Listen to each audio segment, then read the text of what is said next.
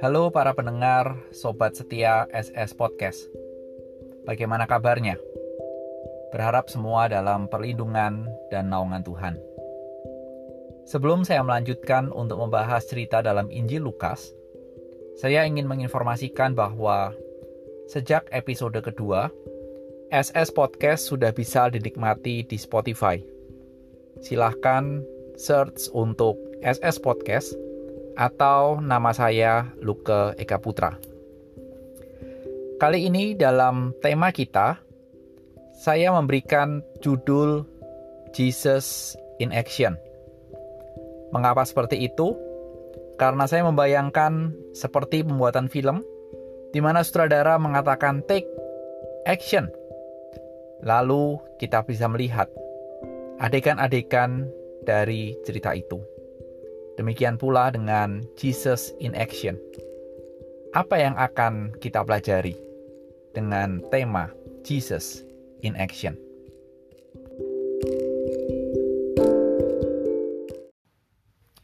Saya mengajak kita untuk membaca dalam Injil Lukas pasal 4 ayat 31 sampai dengan ayat yang ke-44.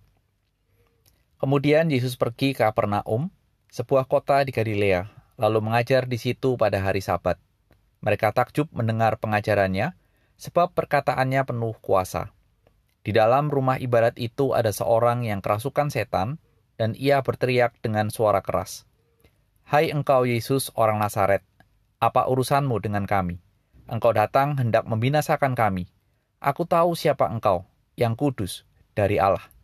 Tetapi Yesus menghardiknya, katanya, Diam, keluarlah daripadanya, dan setan itu pun menghempaskan orang itu ke tengah-tengah orang banyak, lalu keluar daripadanya, dan sama sekali tidak menyakitinya. Dan semua orang takjub, lalu berkata seorang kepada yang lain, Katanya, alangkah hebatnya perkataan ini, sebab dengan penuh wibawa dan kuasa ia memberi perintah kepada roh-roh jahat, dan mereka pun keluar. Dan tersebarlah berita itu tentang dia ke mana-mana di daerah itu. Kemudian ia meninggalkan rumah ibadat dan pergi ke rumah Simon. Adapun ibu mertua Simon demam keras dan mereka meminta kepada Yesus supaya menolong dia. Maka ia berdiri di samping perempuan itu, lalu menghardik demam itu, dan penyakit itu pun meninggalkan dia. Perempuan itu segera bangun dan melayani mereka. Ketika matahari terbenam, semua orang membawa kepadanya orang-orang sakitnya yang menderita bermacam-macam penyakit ia pun meletakkan tangannya atas mereka masing-masing dan menyembuhkan mereka. Dari banyak orang keluar juga setan-setan sambil berteriak, Engkau adalah anak Allah. Lalu dengan keras melarang mereka dan tidak memperbolehkan mereka berbicara, karena mereka tahu bahwa ia adalah Mesias.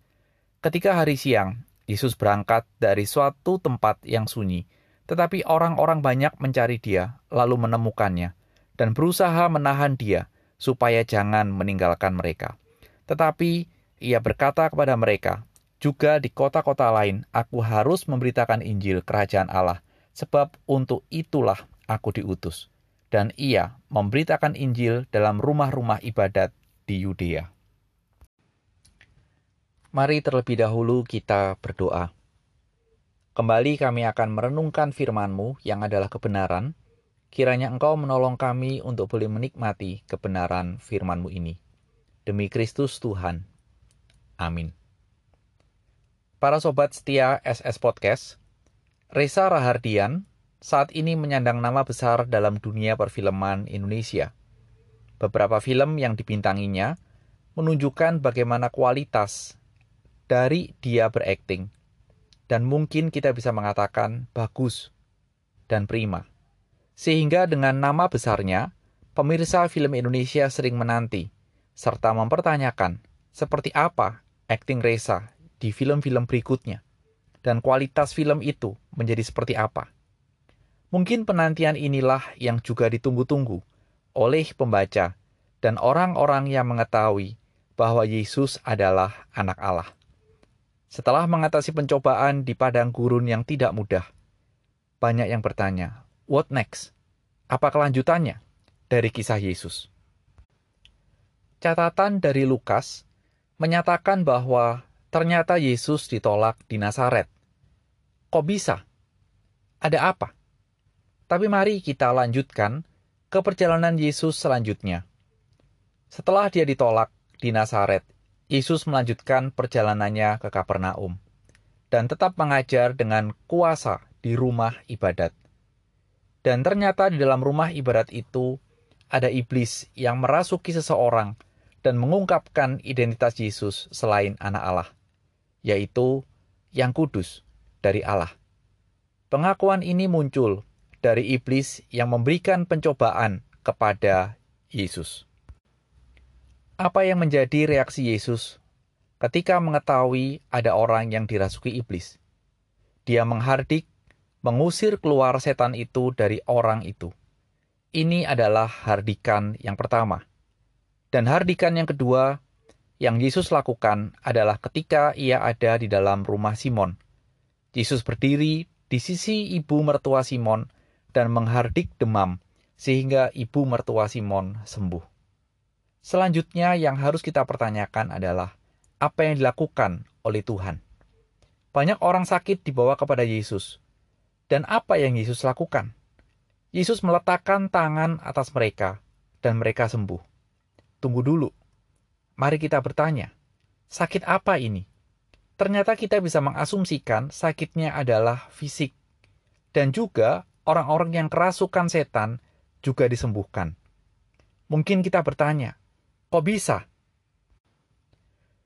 Para pendengar sobat setia SS Podcast, cerita ini ternyata sekali lagi menekankan bahwa identitas Yesus sebagai anak Allah bisa menjadi sebuah jaminan bahwa dia mempunyai kuasa untuk menyembuhkan dan mengusir setan. Bukan saja anak Allah, tapi dia juga disebut Mesias, yang berarti juru selamat, penyelamat, Penyelamat yang bukan saja peduli kepada kesembuhan fisik, tapi juga keselamatan bagi umat manusia. Mesias yang akhirnya dicatat dalam akhir buku ini mati di kayu salib dan bangkit untuk memberikan hidup kekal kepada umatnya dan yang saat ini duduk di sebelah kanan Allah Bapa. Oleh karena itu, Yesus melanjutkan perjalanannya. Yesus meninggalkan Kapernaum dan pergi ke kota-kota lain untuk memberitakan Injil Kerajaan Allah, dengan tujuan untuk membebaskan orang-orang yang tertindas, untuk memberi penglihatan kepada orang buta, untuk melepaskan rantai para tahanan, dan menyampaikan tahun rahmat Tuhan telah datang. Seperti tercatat dalam Lukas pasal 4, 18 sampai dengan 19. Para pendengar SS Podcast, Mungkin para pendengar ada yang memikirkan dan merenungkan, bagian ini apa aplikasinya bagi hidupku? Saya mengajak kita untuk membuat sebuah refleksi. Kalau hidup kita seperti orang-orang yang ada dalam cerita ini, kesulitan, kesusahan, sakit, dan mungkin kerasukan, lalu mencari Tuhan, yakinlah itu suatu tindakan yang tidak salah ketika kita merasa tangan kita kurang panjang, tidak mampu untuk menyelesaikan segala permasalahan dan urusan yang ada, silahkan mencari pertolongan kepada Yesus. Namun pikirkan dan renungkan lebih dalam lagi. Apakah hanya reaksi seperti itu yang diharapkan oleh Lukas ketika menceritakan cerita ini?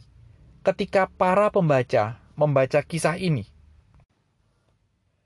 Mengapa saya mengajak kita untuk memikirkan dan merenungkan sedikit lebih dalam?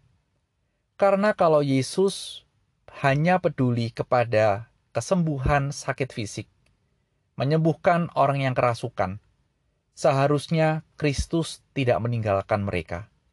Seharusnya Kristus akan tetap diam di sana, menetap di sana, membereskan semua permasalahan yang ada, menyembuhkan semua penyakit yang ada. Dan bukankah orang banyak pada saat itu membutuhkan dia untuk melakukan itu? Tapi lihat, justru Kristus meninggalkan mereka dengan segala urusan yang masih tersisa, yang masih ada. Dia pergi untuk memberitakan Injil Kerajaan Allah ke kota-kota lain. Ini yang harus menjadi perenungan serius bagi kita. Karena kita sering kali menjalani kehidupan seperti orang-orang dalam cerita ini. Tidak salah mencari Tuhan untuk menyelesaikan masalah kita atau mengandalkan Tuhan ketika ada masalah. Namun, apa yang seharusnya menjadi respon kita terhadap berita ini, cerita ini?